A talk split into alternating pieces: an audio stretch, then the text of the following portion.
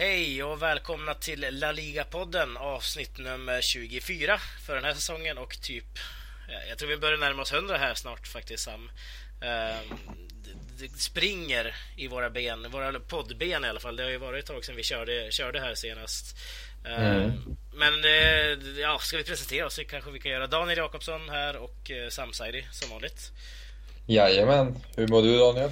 Ja, alltså jag är fortfarande lite sjuk faktiskt. Försöker återhämta mig från min eh, sjukdom som satte stopp, eller som spökade förra veckan. Den är li lite påtaglig fortfarande, men li lite bättre. Tack. Själv då?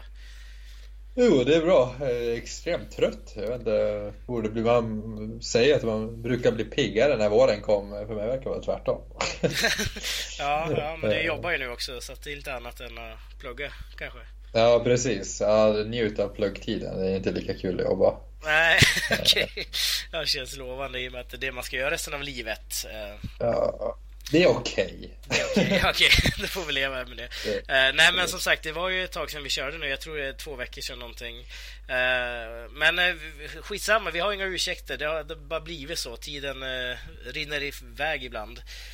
Um, och det är mycket som kommer emellan. Men nu kör vi i alla fall och pratar lite grann om spansk fotboll i sitt mm. bästa slag.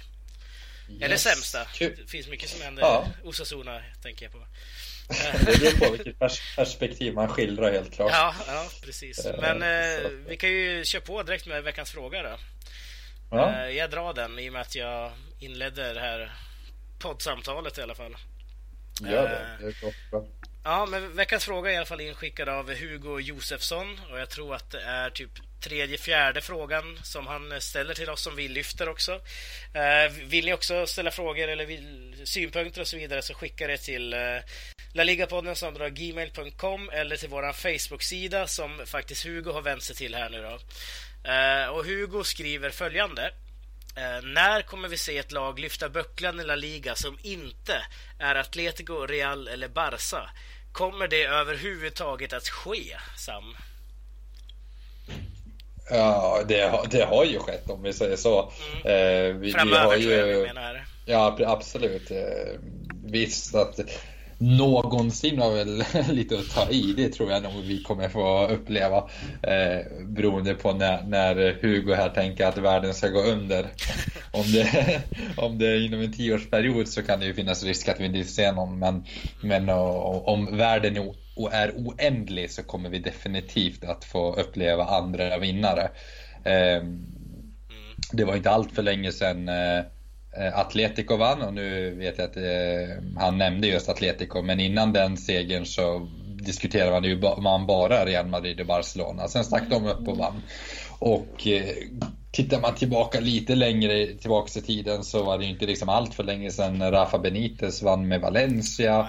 Och 80-talet präglades ju av någon slags baskisk fyraårs dominans. Så att jag, jag tror nog vi kommer få uppleva en en liknande period i alla fall någon gång i den oändliga världen. Så ja, ja det, det, det, tror jag inte vi behöver oroas för. Nej, nej, jag skriver ju under det. Jag kommer till, alltså man måste ju alltid referera tillbaka liksom i dåtid med tanke på att Eh, Eh, vi, vi omöjligt kan veta vad som händer framöver, men man kan ju på något sätt utläsa framtiden genom att läsa dåtiden. Uh, och ser man till det så... Säger historieläraren. ja, precis. Blivande historieläraren. Ja. Uh, nej, men alltså ser man till liksom det som har hänt tidigare i spansk fotboll så har vi ju många lag som har klivit upp och vunnit ma massa titlar. Deportivo vann ju liksom uh, och var ju ett framgångslag under 90-talet. Um, kom ju tvåa två gånger där också. Så att jag menar, de här lagen finns ju där. Valencia, Atletic, de har ju vunnit en del titlar. Um, jag tror till och med att Athletic Bilbao har vunnit typ lika många som Arsenal har gjort i Premier League eller liknande. Alltså, det, nu säger jag det utan att veta exakt hur många Arsenal har vunnit, men Atletico har vunnit åtta i alla fall, så om jag har fel så får ni mejla in det. Ehm, men eh, i alla fall, alltså, det, det, är klart att det ser ju mörkt ut just nu, det måste man ändå säga, för den neutrala som inte håller på Barca eller Real. Och egentligen, kollar man i historien så har ju alltid Barca eller Real, nästan ett av de lagen, alltid varit etta, tvåa, trea ungefär varje säsong. Mm. Mm. och det tror jag man får leva med om man gillar La Liga också, för de här lagen är ju så liksom starka i Spanien. Alltså inte bara i, i sina städer utan runt om i hela Spanien så finns ju de här mindre byarna så är det alltid någon som håller på Real Madrid eller Barca liksom. Mm. Så är det ju och det är svårt att rubba på den historien också. Ja, men, men så är det. Den, den maktdominansen kommer vi... Det är kanske mer en befogad fråga. Kommer Real Madrid och Barcelona alltid vara två storklubbar, det tror jag vi kan liksom spekulera i. att Ja, det ska väl hända någonting väldigt exceptionellt, att de här ska tappa sin max, maxställning. Eh, men eh, man vet aldrig, man ska aldrig säga aldrig. Eh, men det är som du säger, just att det finns en så stor efterfrågan på Real Madrid och Barcelona runt om i Spanien och inte bara på hemmaplan så, så, så får de automatiskt ett övertag just i liksom, antalet medlemmar. Men sedan i och med att världen har globaliserats som den har gjort så har de bara ökat ännu mer. Mm. Ehm, och nu har de ju liksom supporter över bokstavligen hela världen. Så att eh, det ser ju inte ljust ut som du säger utan glappet ökar ju snarare. Precis, och det är därför jag tror man, i alla fall vi, ofta romantiserar de här lagen som kommer upp och är som en uppstickare. Eh, som Sevilla i år exempelvis har vi höjt ganska mycket till skyarna bara för att de har varit där och slagits. Liksom. Eh, nu har man ju mm. tappat förvisso det, jag tänker att vi kanske kan snacka om det senare, men alltså, det är ändå den grejen att man, när man väl får det här laget, som Atletico för några år sedan, när de kom upp så där, då höll man ju på dem, alltså som sitt andra lag nästan. Eh, mm. Så att det finns ju en charm i det också kan jag tycka faktiskt. Absolut. Och mm. eh, vilka tror vi blir nästa lag som sticker upp? Är det dags för Sevilla? De är, var ju på god väg i år. Mm, ja. Svår, gud vad svår fråga. eh, nej men alltså, jag tror ärligt talat om sex år så har Valencia lyft bucklan. Oj, ja. Det blir ja. intressant. Ja, jag tror Varför att det kommer inte? bli en hel reformation i den där klubben. Eh, det kommer hända mycket tror jag eh, framöver här. Så att, ja, varför inte? Det skulle vara kul. Få dem där uppe igen. Verkligen. Uh, ja, men vi kan ju tacka Hugo för frågan i alla fall. Um, mm. Och springa vidare i det här liksom, stafettloppet av intressanta samtalsämnen som vi har. Um, ja. jag börjar skratta för jag har ju Ronaldos staty har jag skrivit. Alltså, jag vet inte varför vi ska ha det som en punkt. det, det är ju bland det roligaste jag sett ändå. Ja, det var en dålig eh, vad ska man säga, skulptör och eh, ja, frågan om det där verkligen är Ronaldo på bild eller på den där statyn. Ja. Eh, jag, jag, tycker snarare det ser ut som John-Arne Riise om jag ska vara ärlig. Ja, Liverpools gamla vänsterback, ja. ja absolut. Kommer du ihåg honom? Det var ja, ja, ja. Riktig, jag tycker han är riktigt, alltså väldigt lik också. Jag satt och googlade på det där och det är, så, det är ju Riese som har kommit upp där på Madeira. Ja. det är hedersamt att Riese får liksom en staty på, på Madeiras flygplats. Ja. Verkligen. Oväntat på många sätt ändå måste man säga. Men eh, jag vet inte, Ronaldo verkade ju ganska förtjust i den där ändå. Jag vet inte om han är det längre med tanke på det här flödet som har hänt efteråt på Twitter och så vidare. Eh, men det var kul i alla fall. Men jag, jag, tror inte det finns ju ingenting att snacka om där egentligen. Förutom att eh, flygplatsen heter väl Ronaldo, Cristiano Ronaldo Airport eller något sånt där nu. Eh, och det är ja. stort ändå. Ja, lite överdrivet kan jag tycka, men fine.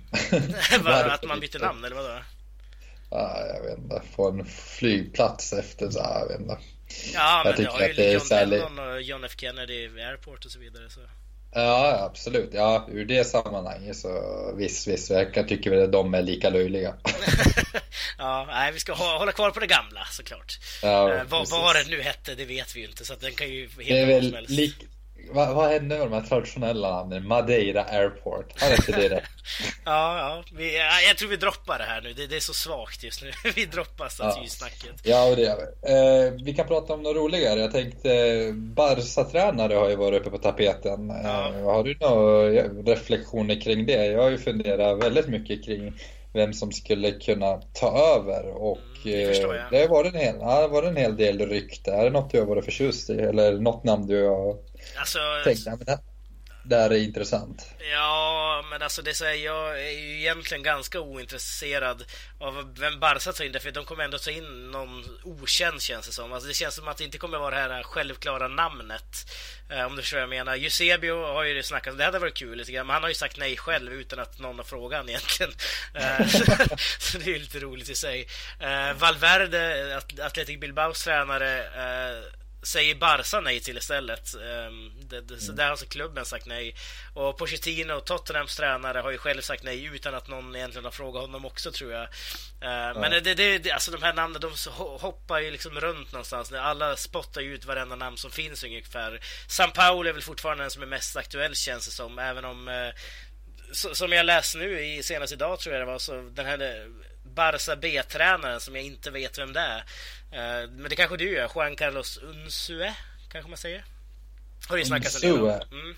Ja, jag tror inte han är Barca B-tränare utan är assisterande tränare tänker jag. Ja, är assisterande till och med, okej. Okay. Ja, precis. Eh, han som sitter där bredvid Luis Enrique med den här, ofta en jeansskjorta faktiskt. eh, och eh, han var ju med Enrique även i Celta och han, han har varit i Barcelona tidigare också.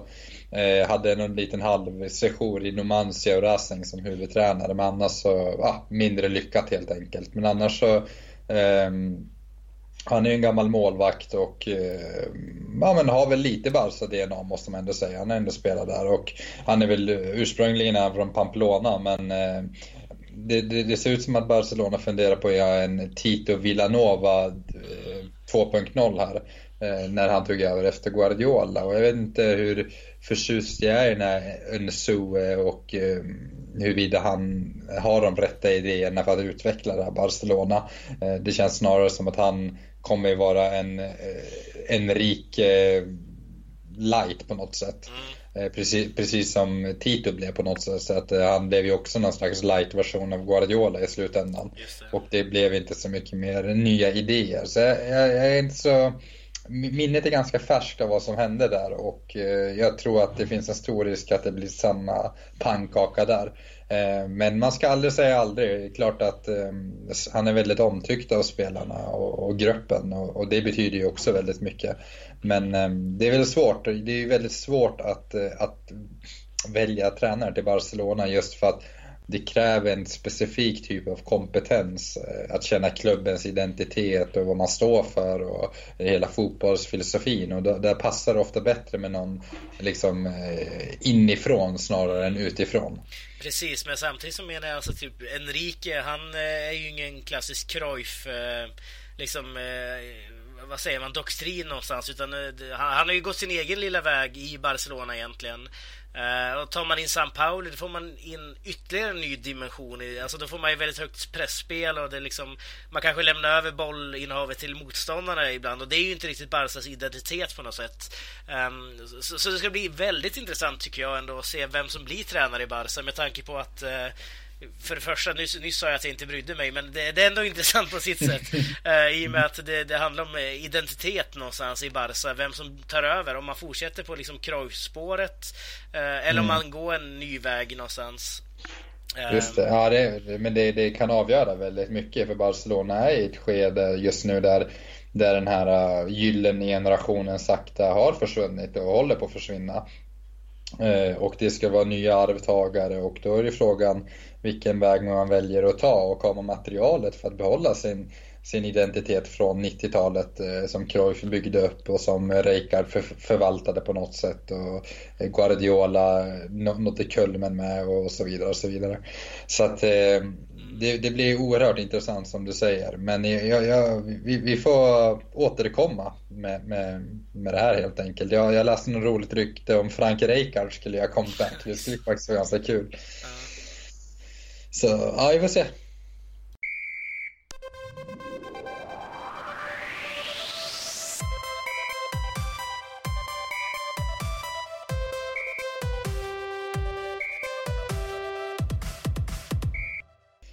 Det har ju också spelats lite landslagsfotboll, eh, vilket har för faktiskt för en gång skulle vara ganska intressant. Jag tycker att Ehm, det, det, är lite likt Barcelona, eh, är spanska landslaget också vid ett vägskäl och man vet inte riktigt vilken väg man ska ta. Men jag tyckte det var positivt det här eh, landslagsuppehållet. Eller vad, vad, vad, säger du? Tycker du det var positivt landslagsuppehåll överlag? Alltså, jag tycker de flesta, alltså, det verkar vara ett ganska harmoniskt landslag ändå under Lopetegui nu. Uh, I alla fall säger ju många andra, Thiago säger ju det att det är mycket, man är mer självsäkra exempelvis. Eh, uh, Jordi Alba hyllar ju Lopetegui för att han är verkligen så här eh, face-to-face manager. Alltså det vill säga att eh, om det är någonting så kommer han direkt till sin pratar och ger instruktioner och så vidare. Uh, om det är någon pik mot uh, Luis Enrique låter jag vara osagt, men uh, det, det, är, det må i alla fall många som uh, hyllar Lopetegui och uh, spelarna då framförallt och det verkar vara ganska harmoniskt och det syntes ju också på planen. Ehm, mm, spe speciellt mot Israel tycker jag, även om inte motståndet var yppersta klass. Så tycker det var länge sedan jag såg ett så bra Spanien i en tävlingsmatch. Ehm, mm. Och jag tycker att liksom man har hittat rätt och på något sätt, alltså ah, det är väl ont för mig att säga det här, men Thiago Alcantara, vilken spelare. Mm. Vilken utveckling eh, som har skett i Bayern München och där har vi ju liksom mittfältsgestalten och framtiden på det spanska mittfältet. Eh, men också även generellt liksom försvarsspel, Piqué Ramos må ha varit bittra fiender men fasen vad bra de fungerar ihop ändå. Ja, verkligen. Eh, så att, och Diego Costa har ju börjat hitta rätt. Och, äh, det, det, jag tycker det ser jätteintressant ut där. Ja, man har ju ändå under Lopetegui har man ju eh, åtta raka matcher nu. Man har ju, eh, han har ju coachat åtta matcher i Spanien och fortfarande inte förlorat, vilket är imponerande. Jag tror man har bara släppt in typ så fem mål också eller något där. Inte ens det tror jag. Eh, fyra mål har man släppt in på åtta matcher och det, det ser ju stabilare ut än tidigare. Jag menar man åker till Frankrike och vinner med 0-2 mot ett Frankrike som har varit så upphausat så länge liksom. Mm. Med sina nya spelare med liksom Kanté och Mbappe för den delen som har blomstrat igenom senaste tiden. Mm, verkligen, och eh, det här är, väcker ju såklart förväntningar eh, och jag hoppas att man kan hantera dem. Men jag, jag tror att eh, det här är verkligen det bästa Spanien vi har och jag tror den här generationsväxlingen har gått ganska bra. Nu är det ju liksom av de rutinerade herrarna som är på väg nerför lite kanske Iniesta just nu som inte Eh, går att känna igen i sam, samma gamla jag om man säger så. Eh, de andra som var med även förr som Busquets och Piqué och Ramos till viss del Alba också. De är ju ändå eh, i toppen av sin karriär på något sätt och är ju snarare eh, de viktiga byggstenarna som man ska bygga runt, runt om. Mm, ja, utan dem så skulle det vara förödande också skulle jag känna. Ja, eller hur tänker du då? Nej, men alltså man har väl ingen som kan ersätta dem på det sättet heller. Alltså många andra Nej. som har klivit bort, som Xavi exempelvis, där har man ändå hittat ersättare. Eh, som Koki exempelvis. Um, mm. Eller Iniesta för den delen som har fått en väldigt eh, intressant roll kan jag tycka. Och jag, jag pratade ju med dig om det innan här men du förstörde ju hela min eh, teori någonstans. Men det behöver vi inte gå in på. Men eh, det jag såg av Iniesta i alla fall var ju en Alltså han, han gick väldigt... Han var som mer än en släpande anfallare till Morata många gånger. Medan Isco och Pedro, nu snackar jag om Frankrike-matchen specifikt. Um, där Pedro och Isco mer föll ner lite grann och Iniesta skötte liksom anfallsspelet med Morata, vilket jag tyckte var väldigt intressant att se. Um, att Iniesta fortfarande har liksom kraften för att gå med djupled och hitta de här öppningarna, liksom lirka fram bollen som han är som bäst på liksom. Mm.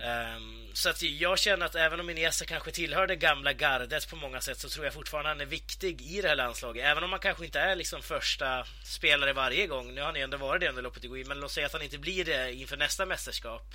Uh, så tror jag han är ändå viktig för truppen. Uh, ja, det tror jag. Jag tror han har fyllt en viktig ledarroll också. Ja, verkligen. Just för att guida de yngre och han har ju så enorm respekt i Spanien och i landslag i synnerhet och han är väl, ja, han var ju ändå den som sköt i första VM-guldet bokstavligen till Spanien. Ja, han är väl egentligen den spelare som är älskad av alla läger i Spanien. Eh, mm. Alltså om, om, man jämför med Piqué exempelvis, som har gjort mycket för landslag och så vidare, eh, som inte alls har samma status runt om i Spanien, utan det är snarare en Ja, på vissa ställen en hatkärlek och på vissa ställen rent hat tror jag mot Piqué. Ja, och det gäller ju egentligen också hans kollega Ramos faktiskt, åt andra hållet. Ja, ja i Andalusien eh, är inte Ramos speciellt uppskattad. Nej, och inte i Katalonien heller förmodligen. Nej, precis. Eh, eh, så att, eh, ja verkligen, både Piqué och Ramos må ha bidragit väldigt mycket till landslagets triumfer men de är ju inte alls i närheten, någon av dem, Iniestas eh, storhet om man säger så. Eh, när det kommer till eh, status och hur respekterad den personen och fotbollsspelarna Ja, verkligen. Vi hoppas han håller i ett tag kvar, ett tag till i alla fall nu när hans liksom, lagkamrater mm. där ute på planen har försvunnit sakta men säkert. Uh, men annars mest liksom uppmärksammat har ändå varit uh, videodomarna i Frankrike-matchen här. En match som skulle ha slutat 1-1. Eh, men som, ja, just det. Ja, det, det, är ju jätte, det är ju jätteintressant med tanke på att om vi inte hade haft videodomare i den här matchen hade alltså matchen slutat 1-1. Uh, matchen slutade istället 2-0 till Spanien. Uh, och jag måste ändå säga att jag är imponerad av de här videodomarna faktiskt. Jag tycker de bidrar Uh, bidrar väldigt mycket till skillnad från de här uh, domarna som står nere vid sidlinjen där. Jag vet inte riktigt vad de gör. Uh, men här, här får vi ju veta på en gång om det var ett offside-mål eller inte. Annars sitter vi i soffan och är förbannade. Liksom. Fan, Griezmann var ju offside. Varför var det 1-0 till Frankrike för? men mm. nu fick man bort det på en gång. Jag tyckte det var snyggt. Eller vad, vad, vad, vad ja. du för åsikt om det? Jo, jag tycker också det gick smidigt och det gick fort. Vi snackar liksom mindre än minuten, ja, bokstavligen. Bara några sekunder så fick man rätt beslut. Och jag tror att det är jätteapplicerbart just när det kommer till offside och sånt. Eh, att man, ja men, man lyfter flaggan, om domaren lyfter flaggan och, och då kan en videodomare samtidigt kolla och liksom ha någon slags kommunikation med huvuddomaren eller ja, om man dömde bort ett mål för offside. Det är väl där det blir lite svårt, till exempel om om domaren blåser och, och liksom spelarna blir lite passiva. Eh, och så gör man mål. Det är kanske lite orättvist eh, om det faktiskt inte var offside. Eh, för då har ju ändå målvakten passiviserats.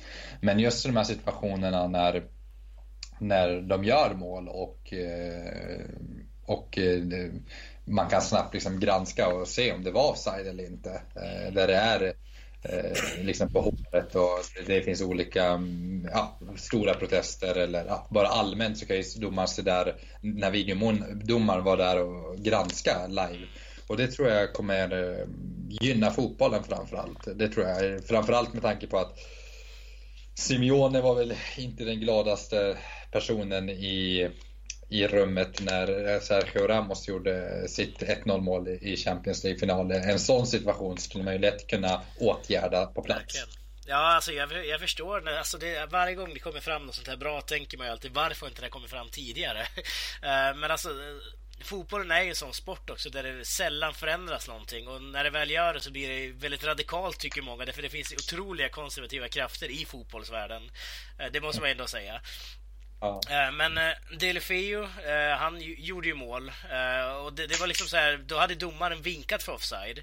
Och då kollar man igenom reprisen på 20 sekunder och säger nej, han var inte offside, det är mål. Uh, och då får man liksom så här, spelet hinner ju knappt stanna upp innan domaren får höra i sin liksom uh, att det är mål. Och Griezmann var också så här, ja, såg ut som offside och sen vinkade inte domaren. Men eh, videodomaren tar beslutet och säger att det är offside och då får man det bortdömt liksom. Så jag tycker det var skitsnyggt. Och jag hoppas man inför det här nu även i La Liga. Javier Tebas har ju pratat om det Eh, lite lätt, men han säger att det finns, eh, ja, kanske det vi säger, de här konservativa krafterna som finns som motverkar att det, det, kommer in. Men det lär ju förmodligen hända också tror jag. Ja, nej men det blir väl svårt att införa, alltså när det kommer till offside jättebra, men det blir just de här andra situationerna om man ska eh, liksom införa det när det kommer till olika slags närkamp, alltså till närkampsspelet eller tacklingar eller filmningar. Eh, där blir det ju extremt svårt att lägga in en värdering och säga, ja men det där ja, det där var inte tillräckligt mycket och där liksom blir det någon slags subjektiv åsikt och där liksom, jag tror inte videokameran hjälper oss riktigt där.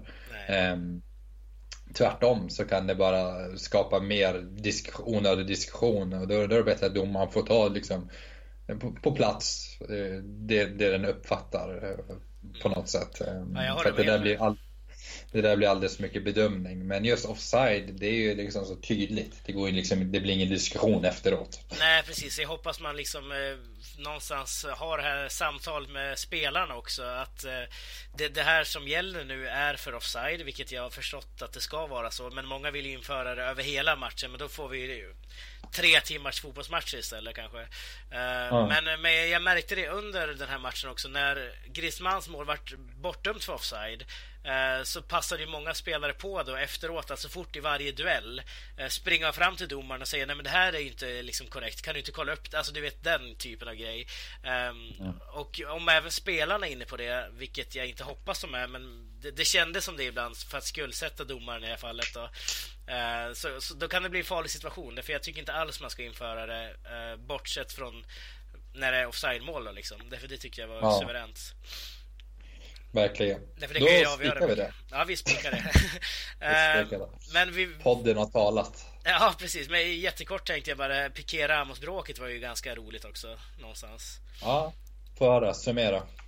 Oj, ska vi summera jättesnabbt här? Jag ser att tiden börjar ja. rinna ut. Men eh, Piqué Uh, säger ju någonting om de här videodomarna att ja, det känns bra att vinna och jag gör ju det såklart på det här sättet när jag klär i vitt ungefär. Uh, sen så börjar han prata lite grann om Real Madrids moral och så vidare. det, det, blir ju ofta så när Piqué ska uttala sig om Real Madrid.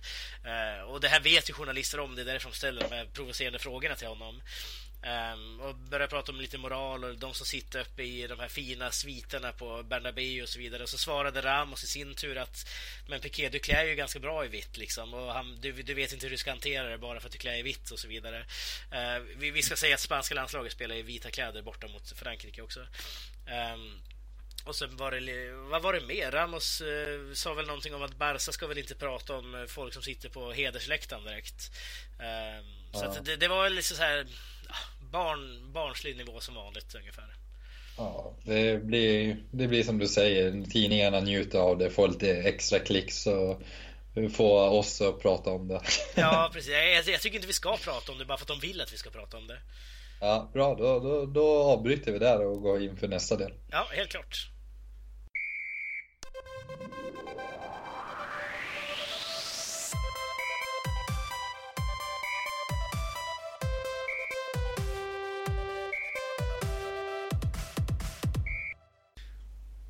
Till skillnad från spanska landslaget som går väldigt bra ändå måste man säga, eller mår väldigt bra kan man ju säga, så går det ju lite sämre för Sevilla ändå, eh, som har tappat otroligt mycket nu senaste veckorna här, både i liksom Europa och i ligan. Nu har man ju tappat sin eh, tredje plats exempelvis eh, till Atletico. Eh, och det, det, det, var någonting som jag faktiskt inte trodde skulle hända, inte så här tidigt om man får säga så. Det är bara nio matcher kvar förvisso, men jag trodde man skulle hålla ut väldigt mycket längre med tanke på hur bra det sett ut den här säsongen. Men eh, mm. ja, nu har ju Atletico gått om här. Ja, det var lite tråkigt måste jag säga med tanke på det fina jobb som Paolo har gjort så är det, kan det, ja, finns det ju en risk att man glömmer bort den fina hösten och ja, någonstans början av året också och någonstans så blev väl fallet mot Leicester tror jag verkligen eh, sög ur Almöst ur Sevilla på något sätt. För att nu blev det någonstans att okej, okay, man har fortfarande en CL-plats liksom i, i, ganska kontrollerat. Det är ändå ganska, nio poäng ner till Real Sociedad. Men man har väldigt långt upp till Real Madrid nu å andra sidan och man har ingen Europa så det blir inget Copa del Rey. Så det känns som att man är i, verkligen i ingenmansland. Visst, man kan kämpa för den här direktplatsen i, för Champions League och tredjeplatsen. Men ja, jag vet inte. Det, finns, det, det, känns som att det är lite motivationsbrist just nu, eller? Ja, alltså det, det, känns som att man nästan har kastat bort det själv också om man kollar på de senaste fyra. Okej, Atletico Madrid, att man förlorar där borta. Det är ju inte, det är inte superkonstigt, men de här tre kryssen som ändå varit mot Sporting Gijon nu senast. Eh, tidigare mm. Leganes och eh, Deportivo Alaves. Jag menar, det här är så matcher som vi i början varnade Sevilla för.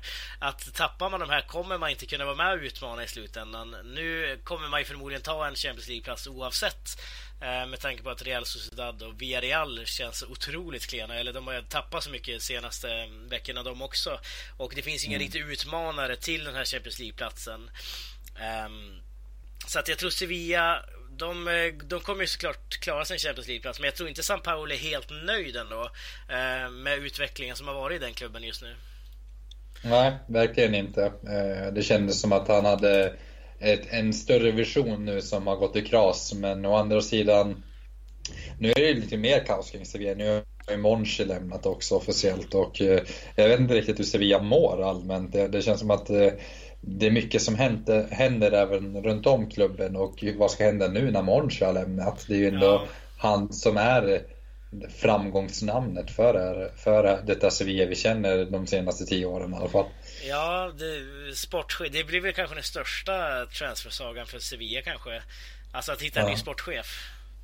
Ja, som, kan, eh, som på något sätt kan fylla hans skor. Det är ju en fantastisk sportchef som har värvat och behållit Sevilla i den absoluta toppen av Europa på något sätt. Alltså han har ändå vunnit Europa League med, med ganska begränsad budget och eh, fått fram otroliga spelare för billig peng och sålt extremt dyrt. Mm, ge ett Så exempel att, för våra lyssnare. Dani Alves har vi kanske ett eh, bästa exempel skulle jag säga. Eh, där har vi ju eh, en, en, helt okänd Alves som Monchi plockar in och som sedan sål, säljer för ungefär 30 miljoner euro till Barcelona och resten är historia och vad Dani Alves en av Barcelonas bästa backar genom tiderna. Men sedan så har man ju också varit extremt framgångsrik på att eh, få spelare att blomma ut i Sevilla som kanske har varit på nedgång. Eh, men vi har också så här en fantastisk förmåga att få forwards att leverera. Jag tänker Carlos Bacca hade vi som inte för allt för länge sedan var helt fantastisk i Liga som han sålde iväg. Eh, Luis Fabiano hade de ju Luis Fab ja, ja. gick från en medioker spelare i i Tottenham till att vara en stjärna i Sevilla. Så att, äh, det finns mycket gott i Sevilla och Monchi som man kommer sakna, helt klart. Mm. Eh, Ever Banega gjorde det väldigt bra i Sevilla.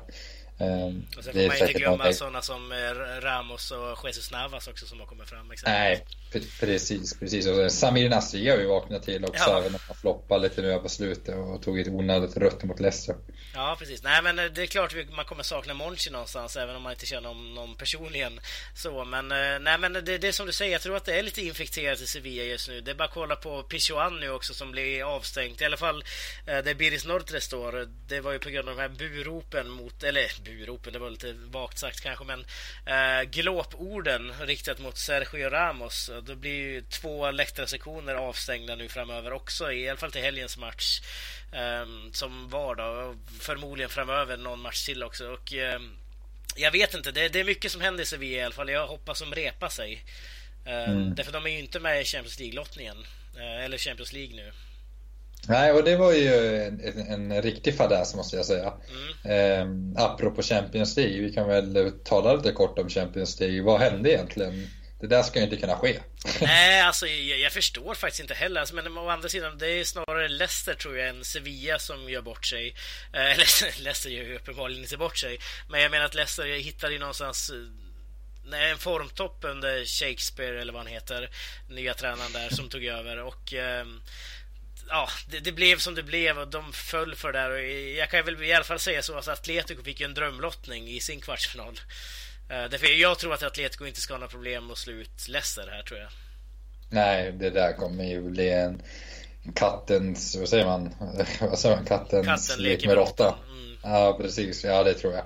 Nu kommer det bli en otrolig klasskillnad. Men å andra sidan, visst, Atletico brukar ha problem med lag de måste föra spel emot.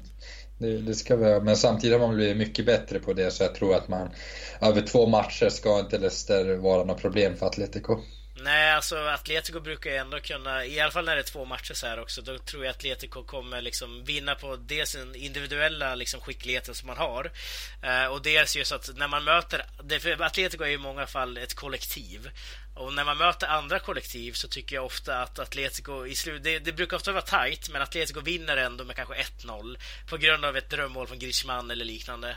Um, så mm. jag tror att Leicester som inte är något utpräglat liksom, skickligt lag med liksom, en Messi på topp. Uh, man har ju Warder för visserligen, men han är ju inte en han är ju inte en topp 30 anfallare skulle jag säga i världen. Uh, mm. Så att, då, då, skulle jag räkna Leicester mer som ett kollektiv. Uh, och där tror jag att Atletico inte har några problem att sluta Leicester alls faktiskt.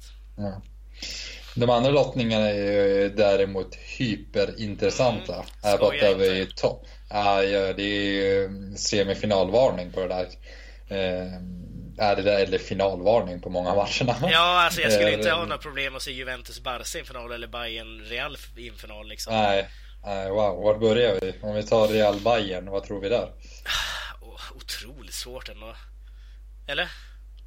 Ja, det känns som att eh, Bayern... tillbaka också. Ja, det känns som att Bayern har så mycket fördel för en gångs skull, eller?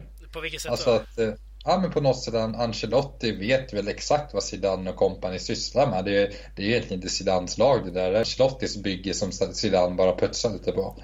Eh, på något sätt. Jag ser inga större skillnader eh, mellan det Zidane gör och det Ancelotti, Ancelotti gjorde i Real Madrid. Och eh, Bayern däremot är ju inte Pep Guardiolas Bayern längre. Det är ju Ancelottis Bayern. Och de ser ju hyperintressanta ut. De har ju verkligen prickat toppformen så att eh, Real Madrid kommer få det tufft. Men å andra sidan så är ändå Real Madrid Real Madrid och eh, med de spelarna Real Madrid har och den vinnarmentaliteten som finns i Real Madrid så kommer det här bli 50-50. Ja, jag är nästan inne på samma sak där. Fördelen för Bayern kanske är att man eh, har ju egentligen vunnit ligan redan. Eh, man leder ju oerhört liksom, överlägset i eh, Bundesliga. Liksom Leipzig till all ära, men eh, så att det där har ju Bayern, man kan ju liksom verkligen vila sina spelare inför de här, det här dubbelmötet. Det kan ju mm. inte Real Madrid göra på samma sätt. Ja, men å andra sidan har det också blivit ett problem för Bayern för då blir det att deras spelare liksom, ja, men drar ner lite på tempo och slappnar av lite för mycket. För det där är ju eh, något som har hänt Bayern alldeles för ofta känns som de senaste fem åren. Att man har vunnit ligan väldigt tidigt eh, och sen så har man bara Champions League att spela och då blir det liksom som att det blir en vardagslönk och sen helt plötsligt är det dags att tända till och då blir det väldigt svårt att liksom, ja men nu ska vi vara i toppform igen. Eh, Medan Real Madrid hela tiden måste vara på tårna, eh, även i ligalunken. Ja, så att jag tror att eh, det där har snarare blivit ett handikapp för, för, för Bayern måste jag säga.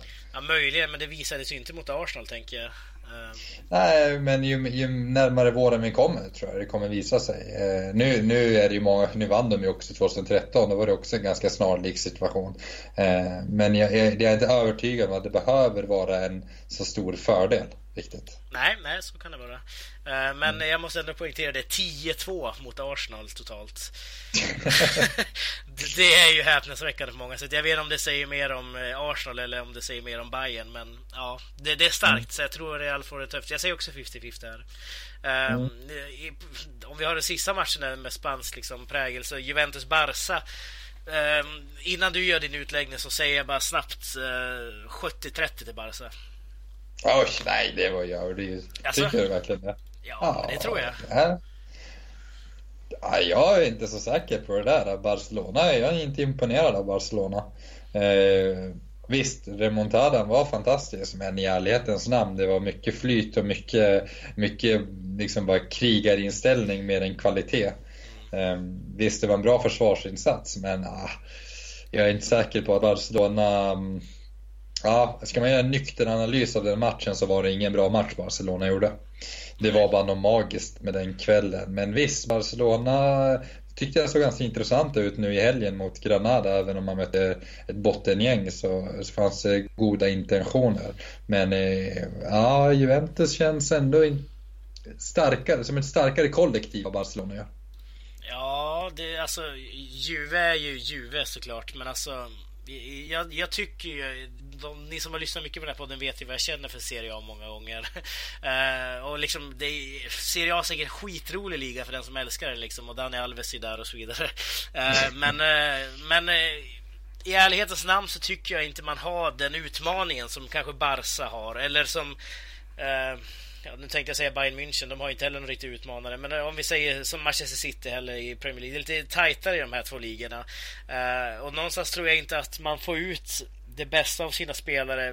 Det är jätteluddig analys det här som jag gör, men jag vill bara poängtera någonstans att jag, jag ser bara som stor favoriter faktiskt mot Juventus. Um, okay. ja. jag, jag, tänker lite grann på Champions League-finalen också. Um, för två år sedan var det va? Uh, när man egentligen krossade Juve i den här finalen.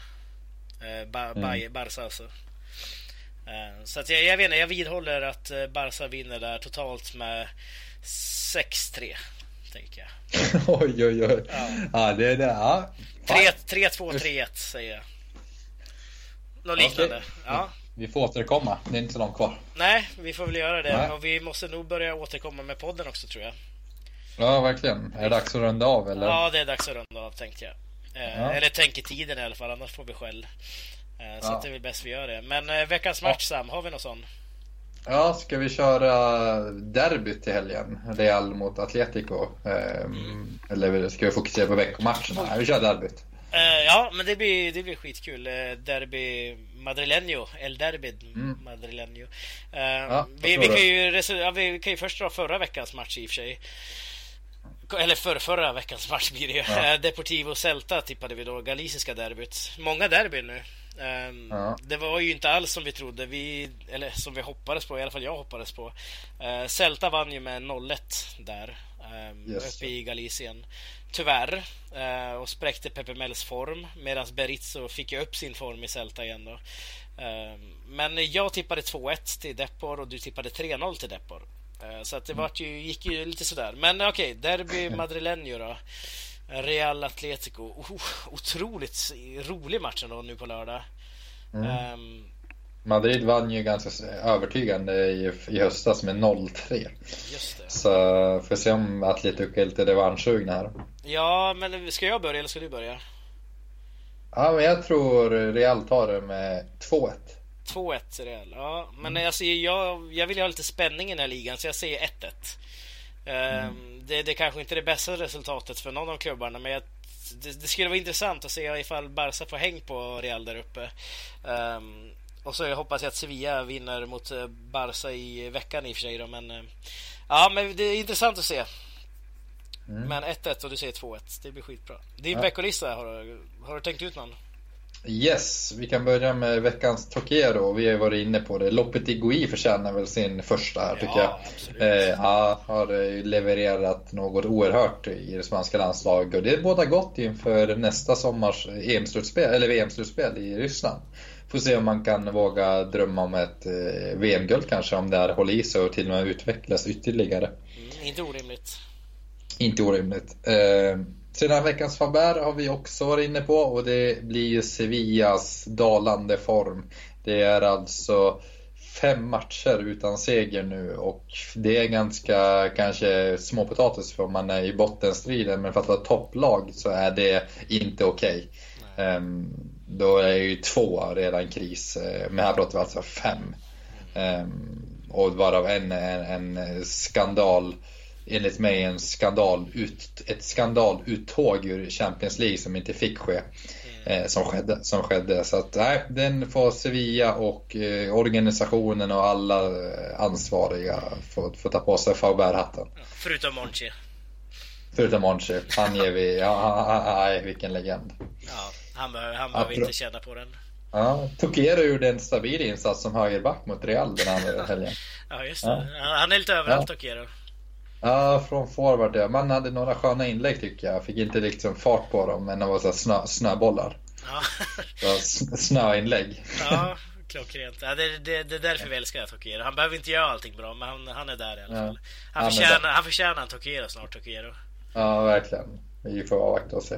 Ja, men vi ja. rundar väl av här då. Eh, tack för den här veckan och som sagt vill ni påverka podden eller något liknande så kan ni skicka mail till laligapodden.gmail.com eller eller Facebook-sidan. Eller Facebook-sidan, precis. Yes. Och den är ju länkad här i artikeln också om ni klickar via Svenska fans. Om ni inte gör det via iTunes eller podcast eller liknande eh, så finns den att söka upp ganska snabbt på Facebook-sidan i alla fall.